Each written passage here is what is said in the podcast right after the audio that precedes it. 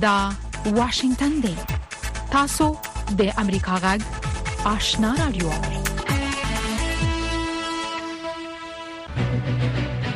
قدرمن اوریدونکو السلام علیکم زه شافیا سردار یم دا د امریکا غږ آشنا رادیو خبرونه پیل شوه لومړی به خبرونه واوري السلام علیکم تر نوریدونکو تاسو خبرونه اوري زه نظرانه یوسف زیم د افغانستان لپاره د ایران د جمهوریت ځانګړي استاذي او په کابل کې دغه هواد سفیر حسن کاظمی کومي ویلي چې د طالبانو حکومت د دوه پر روانه غونډه کې د خپل پلاوي د ګډون لپاره دوه مهم شرطونه یې حسن کاظمی د چهارشنبه په ورځ د ایکسپورټ ولنځ شبکې کې پرتل دي چې دغه شرطونو په اړه معلومات ورکړي لیکلي دي چې دا یو ښه فرصت دی کومې لیکلي چې سرپرست حکومت په دوه کې د خپل ګډون لپاره دوه مهم شرطونه اعلان کړل یو ښه فرصت دی معلوم بشي چې د وړاندیز غوندل منصفانه لار د تعامل لپاره چې د غونډې د اهداف لاندې راغلي څومره جدي دي ټاګل شوې د ملګرو ملتونو د عمومي منشي انټونیو ګوتریس په بلنه افغانستان لپاره د یو شمېر هوادونو په ځانګړو استادو او ځینو نړیوالو سازمانونو د استادو دویمه مشورتي غونډه د قطر په پایتخت دوه کې د فروری د میاشتې په 13 او 19 جوړ شي د امریکا د متحده ایالاتو د استازو د مجلس د بهرنیو اړیکو کمیټې ویلي چې ټاکل شوی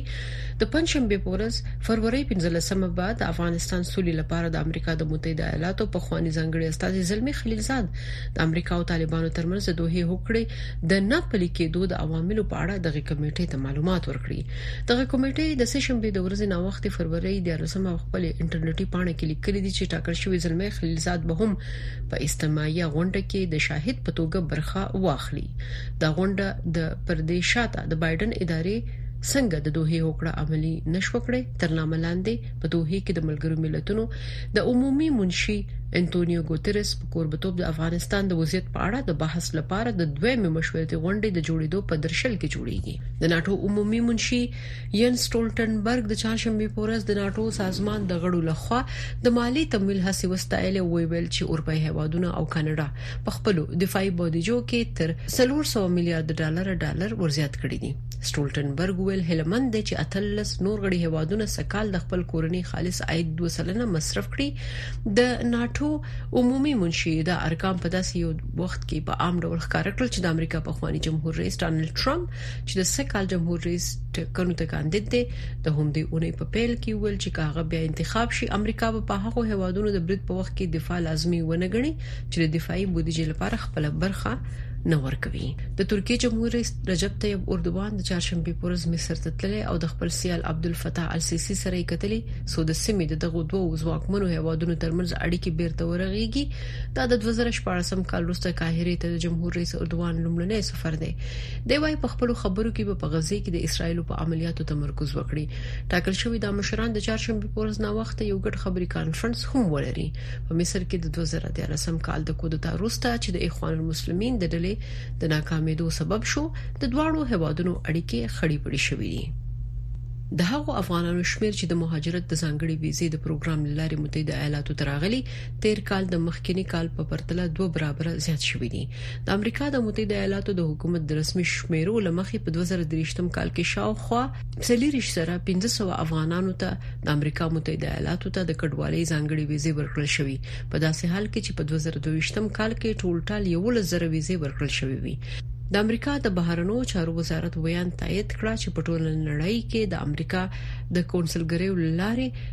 د کډوالۍ څخه باندې 18 زره ځانګړې ویزې صادرې شوې او په دې سربېره څو زره نور افغان اتباع چې مخکې له مخکې امریکا ته راغلي د اوسېدو شرایط د دې پروګرام په اساس برابر شوي دي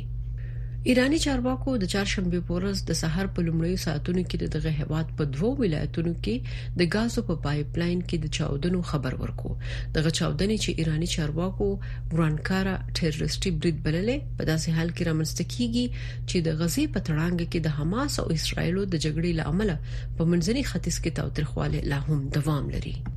په پاکستان کې د فروری د اتمې نیټې د ټولټاکنو رسمي پایلې نږدې درې ورځې وروسته اعلان شوې د پاکستان د انتخاباتو کمیسیون د شمیرو لمخې د پاکستان تحریک انصاف ګوند د ملاتړ نه برخمنو آزادو کاندیدانو درې نوي څوکۍ ګټلې پاکستان مسلم لیگ نواز سلور او یا څوکۍ پاکستان پیپلز پارټي سلور پنځوس څوکۍ او متحده قومي مومنټ ولس څوکۍ ترلاسه کړې دي او سریلانکا د خپل پرانستونکو توپوهونکو د یو سل درې او یو منډو ملګرتیا په مټ د چهارشنبه په ورځ فروری 14مه افغانستان ته د وو وکټو په توپیر ماتې ورکړه له دې لوبي سره د دوانو خواو ترمنځ د دریو یو ورځنیو سیالیو لړۍ 03 د کوربه لوبډلې په ګټه پای ته ورسیده د سریلانکا په کینډي کې د افغانستان د پرونۍ لوبې د پچې لوګو ګټلو وروسته د ټولو لوبغاړو په سوزیدو سره مقابل لور ته 200 اته سلويخ منډو هدف کې خو سریلانکا وکړل شول چې دغه هدف ته یوازې دریو لوبغاړو د لاس ورکول سره پوره کړی قدر منوریدونکو داوود دی وخت خبرونه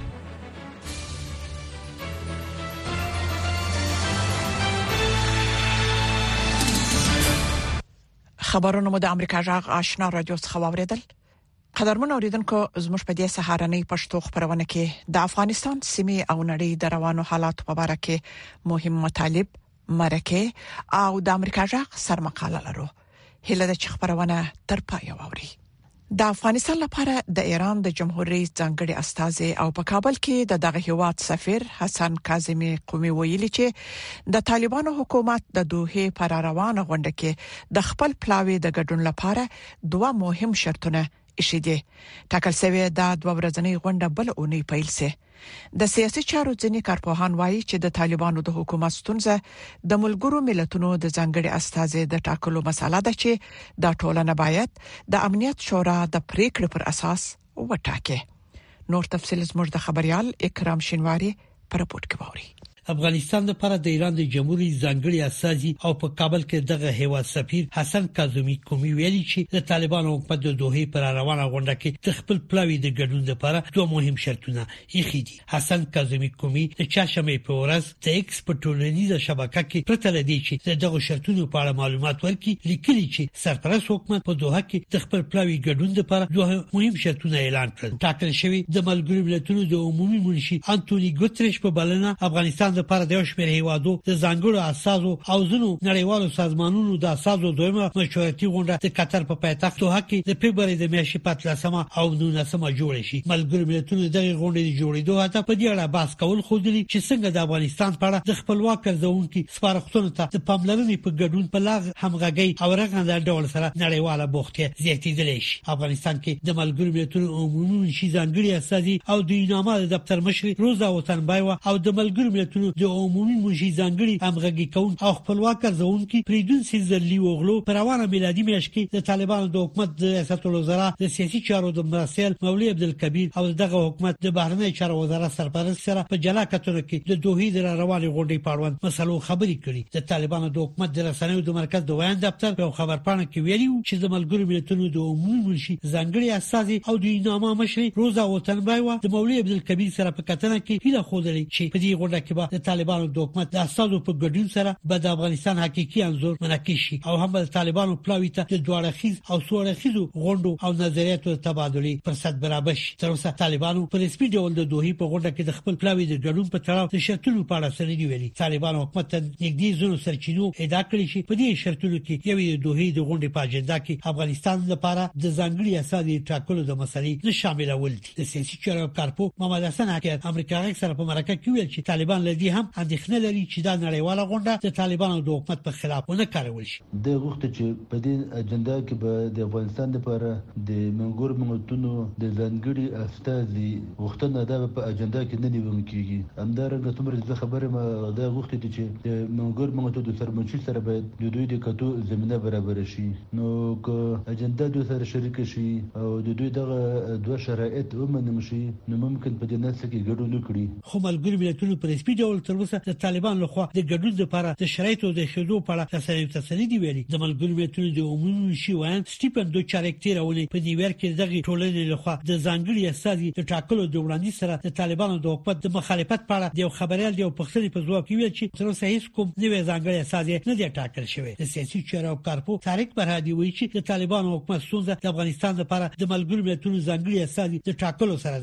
ښاغلی فرهادي وایي چې د ملګرو ملتونو عمومي منشي د امنیت شورا د پریکړه لیک له مخې مکلف دی چې افغانستان لپاره خپل نوی ځانګړی استازی وټاکي شرایط شانی است که امرایشان به سوی بلند ملاقات شود خو میشه در اجلاس دوحه بعضی کشورها مثل فرانسه و کشورهای اروپای غربی بسیار نماینده های سطح پایین خود میفرستند در اونجا اما کشورهای همسایه افغانستان کلشان هستند زمیر کابلوف است تام وست هست نماینده های روسیه و امریکا و چین هستند خب این کسایی هستند که به هر صورت با طالبان تماس دارد مشکل طالبان در این موضوعی است که وقتی که نماینده تعیین میشه نماینده خاص که ایر طالبان مخالفت کرده بودند اما بر اساس قطعنامه 2321 شورای امنیت نماینده تعیین میشه ملګرو ملتونو د تیر 2023 کال د مې د میاشتې په لومړۍ ورځو کې د قطر په پایتخت دوحه کې د طالبانو د اساسو د ګډون پرته د افغانستان په اړه خپل لومړی مشورتي غونډه جوړه کړې و ملګرو ملتونو د لومړی مشورتي غونډې د جوړېدو هدف د طالبانو سره تعامل په اړه د نړیوالې ټولنې یو ګډ تفاهم ته لاسرسي خوندلې و انتظار پای ته ورسید ترنو لیدونکو او اوریدونکو تاسو کولی شئ د امریکا غا ټلویزیونی او رادیوي خبرونه د یاسات ساتلایت له طریقو وګورئ او واورئ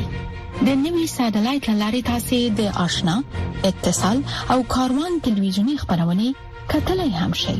د امریکا غږ د افغانستان څنګه خبرونه په 398 چنل او د آشنا رادیوي خبرونه په 390 چینل کې اوریدلای شئ لملتيامو د تل پشان مننه رپورټونه د امریکا جغ آشنا رادیو څوري د متحده ایالاتو د بهرنیو چارو وزارت وايي د افغانستان لپاره د دې هیواد دوه ځانګړي استاذې ټام وست او رینا اميري د دوه پرتلونکو غونډه کې ګډون کوي ملګری ملتونه ویلي د دوه د غونډې یو هدف د طالبانو د استادو په ګډون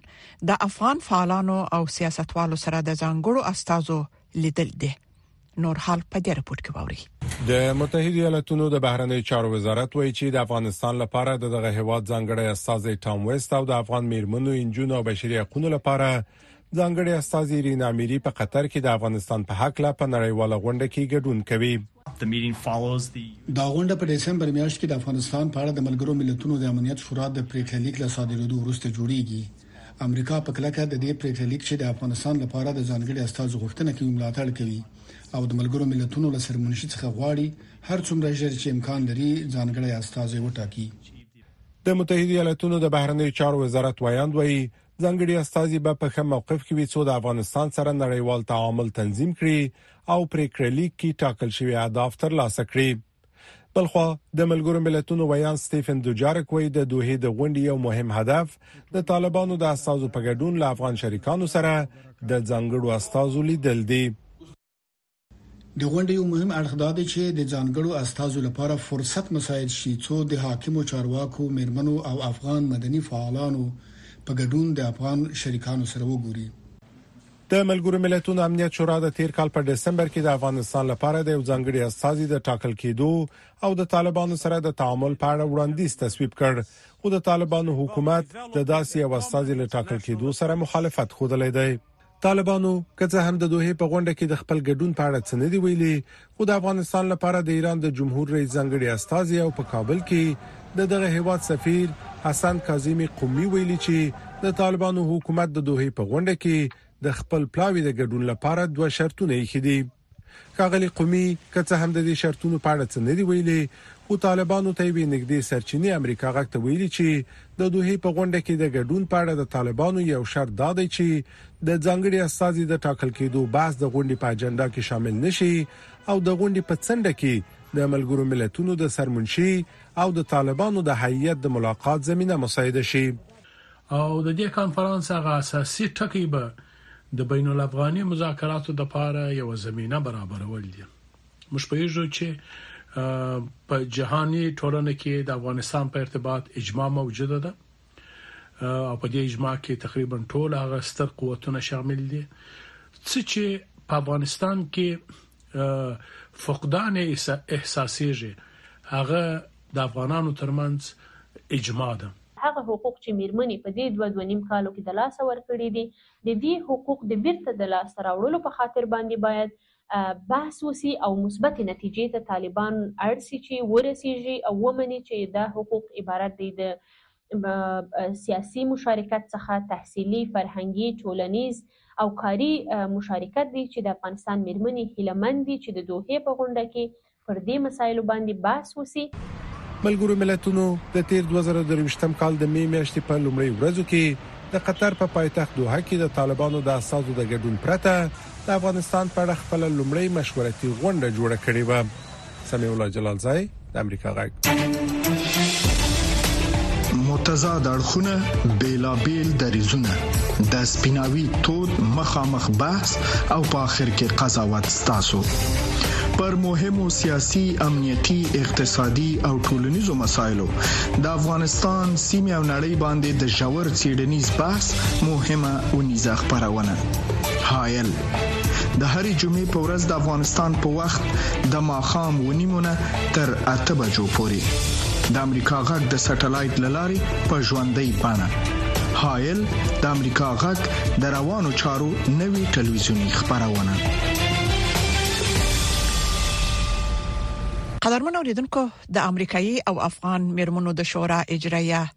رئیسه دوی هالند د امریکا جغ سره د یوې ځانګړي مرکه په ترڅ کې ویلي چې په متحده ایالاتو کې د یو لسو پوهنتونونو په مرسته او همکاري د افغان مرمنو او جنو سره یو ځانګړې شبکه جوړ کړې ده د امریکایي او افغان مرمنو شورا 22 کال مخکې د امریکا د پخوانی جمهور رئیس میرمنې لارا بوش په نوښت جوړه شوې و خو په افغانستان کې د طالبانو په بیرته راتګ د میرمنو سره د مرستې د پاره نوي بدلونونه پکې راغلل میرمن هالند د مرکه په پیل کې د دې شبکې په اصلي اهدافو ژغېدلې غواړم لومړی وایم چې تاسو پوهیږئ سره لدې چې طالبان په خزو او جنو باندې سخت محدودیتونه لګولي چې مونږ په افغانستان کې د جنسيتي تبعیض او زورونې په توګه ګورو زموږ غړي په افغانستان کې د سوداګرو میرمنو د روزنې د سوداګرۍ د زده کړې او د خزو د کارموندنې د روغتيي پاملرنې د بیلابیلو تاسیساتو نه د ملاتړ د جذب او دوام کوښښ کوو چې خزو ته خدمات او په شخصي او انلاین توګه ورته زده کړې برابر شي تعلیم یو بنسټیز حق دی او زموږ لپاره د ژوند حیاتي سټه ګڼل کیږي زموږ د شورا غړي د لسیزو راهیسې د زده کړې فرصتونو د برابرولو لپاره کار کوي تاسو په هیګه چې دا کار اوس د طالبانو لخوا پر زده کړو د بندیزونو لامل ستونزمن شوی دی خو زموږ غړي په لټه کې دي چې هلته د خزو او جنو سره د تماس او همکارۍ لپاره د بدیل لارې ومومي او د دوی د پوهې او مهارتونو لوړولو ته دوام ورکړي همدغه مخ ته د رسیدو لپاره تیرونې د افغانستان د پانتونونو لخوا د ملاتړ نوې شبکه پرانیستل شو او موږ واقعا غواړو چې په افغانستان کې د زده کړې لپاره ډیر فرصتونه او لارې چارې برابر کړو تاسو ویل چې دا د متحده ایالاتو له ګوټ ګوټ څخه د یولسو پوهنتونونو ګډ زیار دی د طالبانو د راز راز محدودیتونو سره سره څنګه د خځو سره تاسو مرسته کوي یعنی لدی ځایه د دوی څخه دومره لري د وسلې دوه ستونزې به هم زیاتې وي د انټرنیټ د نشټوالي ستونزه هم ده اقتصادي او ټولنیزې ستونزې هم همدارنګه د طالبانو پر محدودیتونو هم خبر یو هو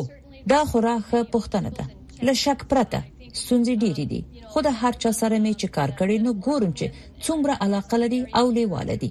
دوی واقعا د دې وړتیا لري چې مثبت توپیر رامنځته کړي په ځانګړي توګه د زده کړې په برخه کې په انلاین زده کړو کې ډېر نوښتونه روان دي او تاسو د انټرنیټ او نورو زیربنایي نشټون او خندونو یادونه وکړه یقینا دا ستونزې شته خو په افغانستان کې ښځو او نجونو ته د رسیدو لارې هم شته. ما د مختلفو نوښتونو په اړه اوریدلي. موږ په خپله شبکه کې داسې غړي لرو چې د افغان میرمنو سره د سوداګرۍ د زده کړې په برخه کې مرسته کوي، څو دا میرمنې خپل تجارت پیل او د بازار موندنې او انلاین کار کولو مهارت ترلاسه کړي، څو خپلو محصولاتو ته په خپله بازار ومومي. نو فکر کوم چې ځینې فرصتونه شته. که څه هم په افغانستان کې د کار لپاره چاپیریال دومره غوره نه دی او خنډونه هم زیات دي خو بیا هم باید له زیار څخه لاس په سر نه شو او ځان هغو میرمنو ته ور ورسوو چې د زده کړې لپاره لیواله دي او د هغو خلکو نه چې د دې زده کوونکو سره کار کوي اورم چې دوی څومره د زده کړې سره لیونی مینا او علاقه لري او دا اصل د دې زیار ارزښت لا لوړوي که څه هم دا کار اسانه نه دی زه پوهیږم او ډاډه یم چې تاسو داسې حالت سره مخ شوي یاست چې ځینې میرمنې او نجونې له تاسو غواړي چې له دوی سره د متحده ایالاتو د ویزې په برخه کې او یا له هیواده د ایستلو په برخه کې مرسته وکړي ستاسو ځواب دوی ته څه دی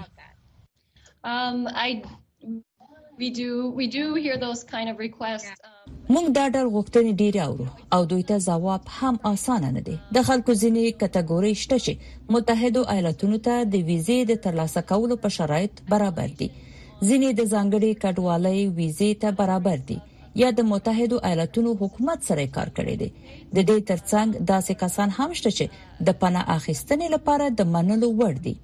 دلته مختلفې ډلې یا کټګورۍ شته. نو بهتره ده چې په دې اړه معلومات یو بل سره شریک کړو خو په دې هم پوه اوسئ چې دا یو اوږد بهیر دی او ممکن یو څه وخت ونیسي موږ د خپل نړیوالو شریکانو سره کار کوو ترڅو دا چاره ولټول شي چې څنګه درېمګړي هوا ته لاړ شي د پانتونونو لارې موږ د داسې واجب الشرایطو زده کوونکو سره چې غوړي په متحده ایالاتونو یا نور هیوادونو کې درسوي هم د مخ ته درسېدو په برخه کې هڅه کوو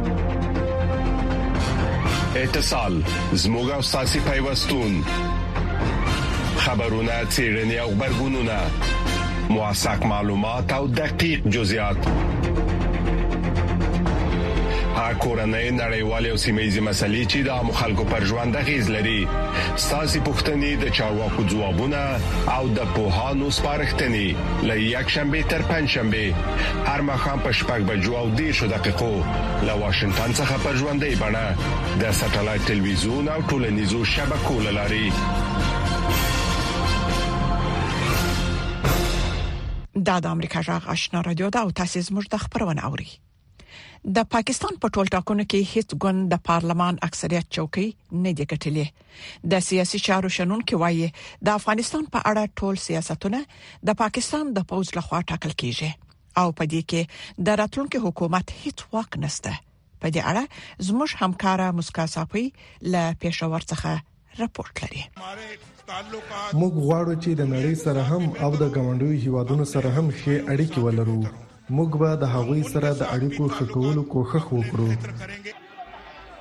د پاکستان پخوانی صدر اعظم د فبرورۍ په نهمه له ګاونډیو هیوادونو سره د خو اړیکو پر جوړولو ټینګار کړی خو د شنونکو په وینا د پاکستان او افغانستان اړیکې یوازې د پاکستان د پوځ په واک کې دي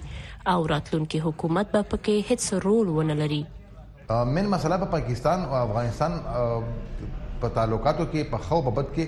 زموږ د اسټیبلشمنټ کردار ډېر مهم دی چې هغه نه دی ټیک، هغه د اسټیبلشمنټ په دې باندې زورور دی او د اسټیبلشمنټ خبرې منل کېږي. که موږ وګورو چې سیاسي،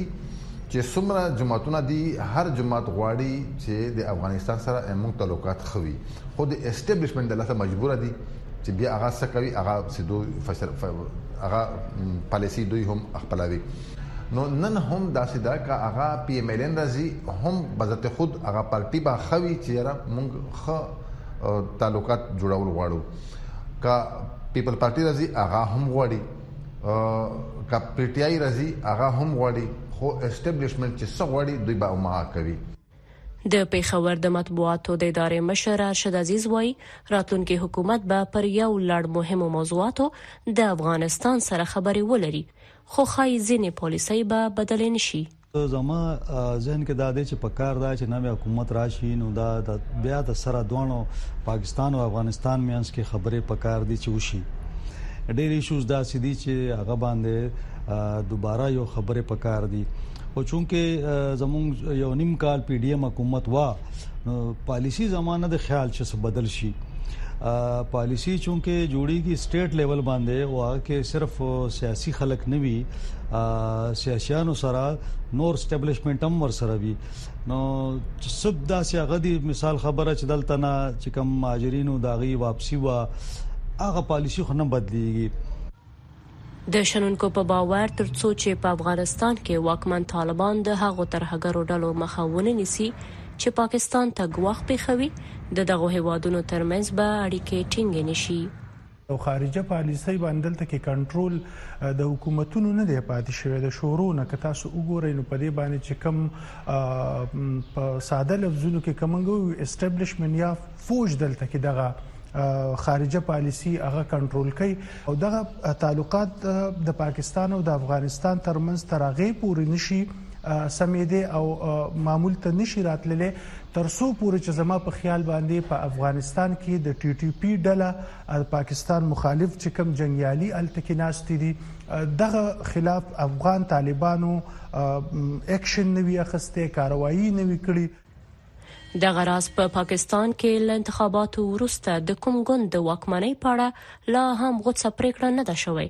او نه هم د افغانستان په اړه د دغه هیواد راتلونکي تګلاره څرګنده شوې د شنونکو له نظره په پا پاکستان کې د بې باورۍ په حال کې تر سره شوې ټاکنې به دلته د روانې سیاسي بې ثباتۍ او امنیتي ستونزو د لا ډېرېدو سبب شي مسکا صافی امریکا غږ پېښور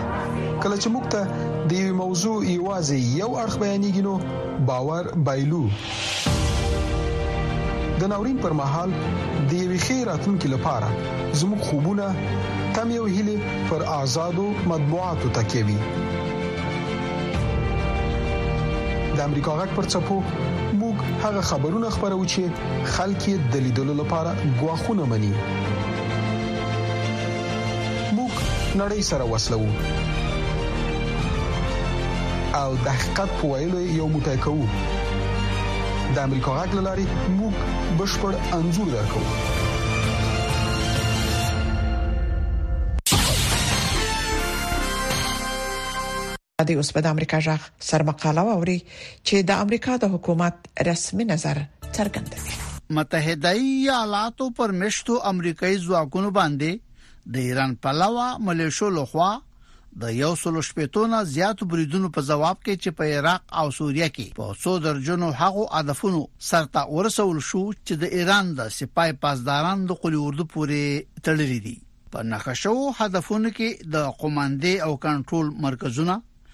راکټونه توغندي بې پیلوټه ډرونونه او د مهماتو اکمالاتي